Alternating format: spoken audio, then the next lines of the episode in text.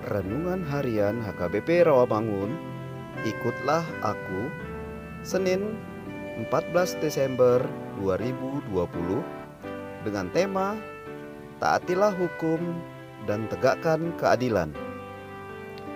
Bacaan kita pagi ini tertulis di dalam Yeremia pasal 31 ayat 31 sampai dengan 33. Bacaan kita malam ini tertulis di dalam Yohanes pasal 1 ayat 15 sampai 18.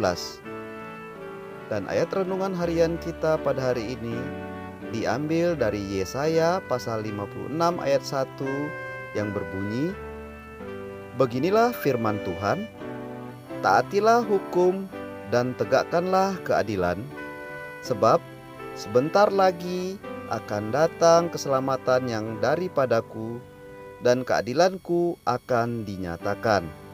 Demikian hukum Tuhan. Seringkali manusia menganggap hukum atau peraturan merupakan pembatasan dan pengekangan. Oleh karena itu, di dalam dada sering kali muncul gejolak atau hasrat melawan atau paling tidak menghindar dari aturan-aturan hukum tersebut. Di satu sisi, pelarian atau pelanggaran hukum itu dilakukan dengan maksud memperoleh kebahagiaan, dan mereka memperolehnya, namun hanya sesaat dan semu. Namun, firman Tuhan mengatakan, "Berbahagialah orang yang mentaati hukum dan menegakkan keadilan, serta bergemar pada firman." Bahkan mereka yang berbahagia oleh firman akan diselamatkan.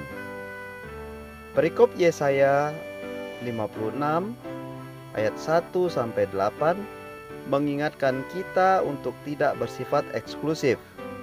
Kita harus membuat orang asing yang bersama dengan kita mereka tidak berbeda. Kita harus bersikap adil karena mereka juga berhak atas keselamatan jika mereka pun berbahagia karena firman.